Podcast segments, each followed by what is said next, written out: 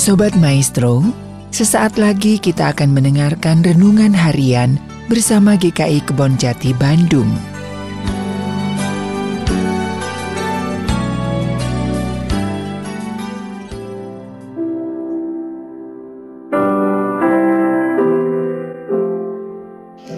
Salam sejahtera jemaat yang dikasih Tuhan. Bertemu lagi dengan renungan harian GKI Kebon Jati bersama saya Gus Gunawan. Hari ini kita akan sama-sama merenungkan satu tema yaitu menghadapi penolakan. Bacaan kita diambil dari Kolose 3 ayat 12 sampai ayatnya ke 15. Saya akan bacakan untuk kita semua. Karena itu sebagai orang-orang pilihan Allah yang dikuduskan dan dikasihinya, kenakanlah belas kasihan, kemurahan, kerendahan hati, kelemah lembutan dan kesabaran. Sabarlah kamu seorang terhadap yang lain, dan ampunilah seorang akan yang lain apabila yang seorang menaruh dendam terhadap yang lain. Sama seperti Tuhan telah mengampuni kamu, kamu perbuat jugalah demikian. Dan di atas semuanya itu kenakanlah kasih sebagai pengikat yang mempersatukan dan menyempurnakan.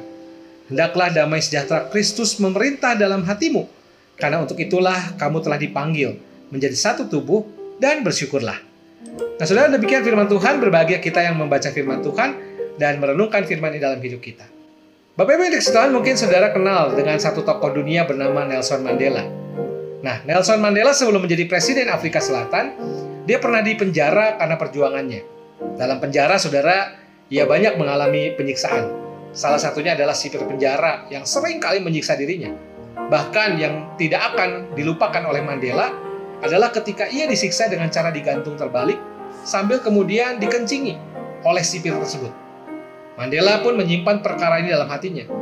Tetapi kemudian ketika Mandela dibebaskan dan terpilih menjadi presiden Afrika Selatan, maka ia menyuruh ajudannya untuk mencari sipir penjara yang dulu sering menyiksanya tersebut dan membawanya ke hadapan Mandela. Sipir tersebut sangat ketakutan. Ia berpikir Mandela akan membalas dendam dengan menghukum balik dirinya. Tetapi apa yang terjadi, saudara? Tidak demikian. Dengan tulus Mandela justru memaafkan dan mengampuni sipir penjara tersebut. Dalam satu kesempatan itu ia memeluk sipir tersebut sambil berkata, "Hari pertama yang akan kulakukan ketika menjadi presiden adalah memaafkanmu." Nah, saudara yang dikasih Tuhan dalam hidup, kita sering kali menghadapi situasi penolakan. Dalam situasi apa pun, penolakan kerap terjadi. Bahkan ketika maksud kita baik pun, penolakan sering kali Eh, terjadi dan kita menghadapinya. Dan tentu saja saudara yang namanya penolakan tidak mengenakan buat kita. Apalagi kalau penolakan tersebut dibalut ketidaksukaan orang lain kepada kita. Nah, lalu bagaimana seharusnya kita bersikap ketika dihadapkan pada situasi penolakan tersebut? Rasul Paulus saudara dalam surat Kolose yang tadi kita baca, Kolose 3 ayat 12 sampai 15 memberikan beberapa tips penting ketika kita diperhadapkan dengan situasi penolakan. Nah, nasihat tersebut adalah sebagai berikut. Yang pertama adalah kita mengingat saudara bahwa kita adalah orang-orang pilihan Allah yang dikuduskan dan dikasihinya. Nah kalau kita memahami bahwa diri kita adalah orang-orang pilihan Allah yang mendapatkan anugerah Allah itu kita dikuduskan dikasihinya, maka Paulus mengatakan kita perlu mengenakan yang pertama belas kasihan, kemurahan, kerendahan hati, kelemah lembutan, kesabaran. Ya, jadi ketika kita menghadapi situasi penolakan, mari kita punya belas kasihan, punya kemurahan, punya kerendahan hati, untuk bisa menerima situasi tersebut, punya kelemah lembutan, tetap berupaya dengan lemah lembut menyampaikan apa yang menjadi aspirasi kita dan juga kesabaran. Itu yang pertama, saudara. Mengingat bahwa kita ini orang pilihan Allah yang mesti mempunyai nilai-nilai karakter itu. Lalu yang kedua, saudara, kesabaran itu kemudian disempurnakan dengan tindakan yang yang sangat luar biasa, yaitu mengampuni orang lain. Jadi ketika orang membenci kita, menaruh dendam pada kita, maka kesabaran kita harus disempurnakan dengan tindakan mengampuni orang orang tersebut. Sama seperti Tuhan telah mengampuni kita, itu teladannya, maka kita juga harus berbuat demikian. Lalu yang ketiga, kenakan kasih sebagai pengikat yang mempersatukan dan menyempurnakan. Dasarnya, pusat nilainya adalah kasih. Terutama kasih Allah kepada kita.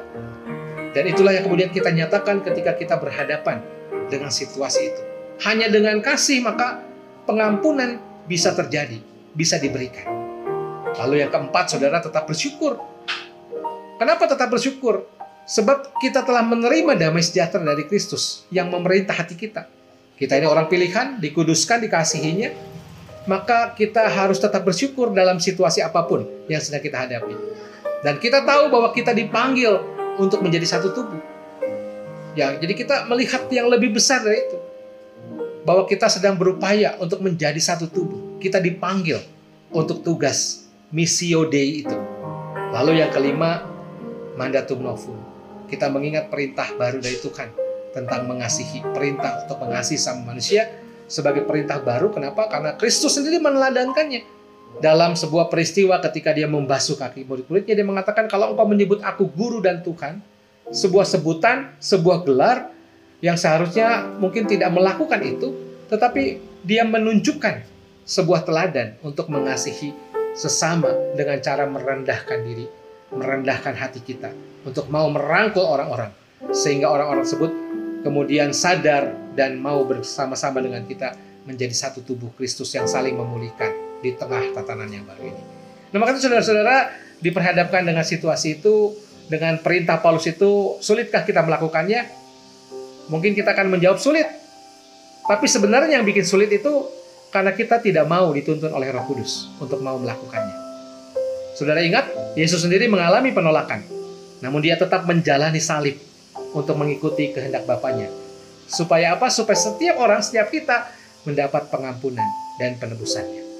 Mari saudara, di tengah situasi yang akan selalu kita hadapi, penolakan apa pun yang terjadi, ketika kita melakukan hal baik atau mengabarkan kabar sukacita, kabar baik ini, kita tetap menggunakan lima prinsip tadi ya. Kita ini orang pilihan Allah yang sudah dikuduskan, maka kita mengenakan nilai-nilai Kristiani dalam hidup kita.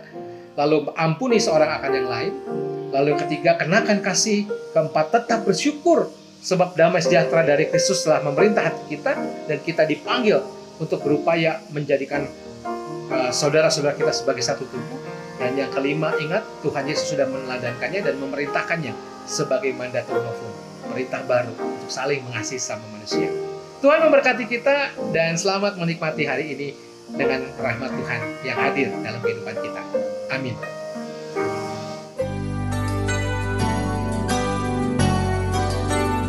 Sobat Maestro, baru saja Anda mendengarkan renungan harian bersama GKI Kebon Jati Bandung.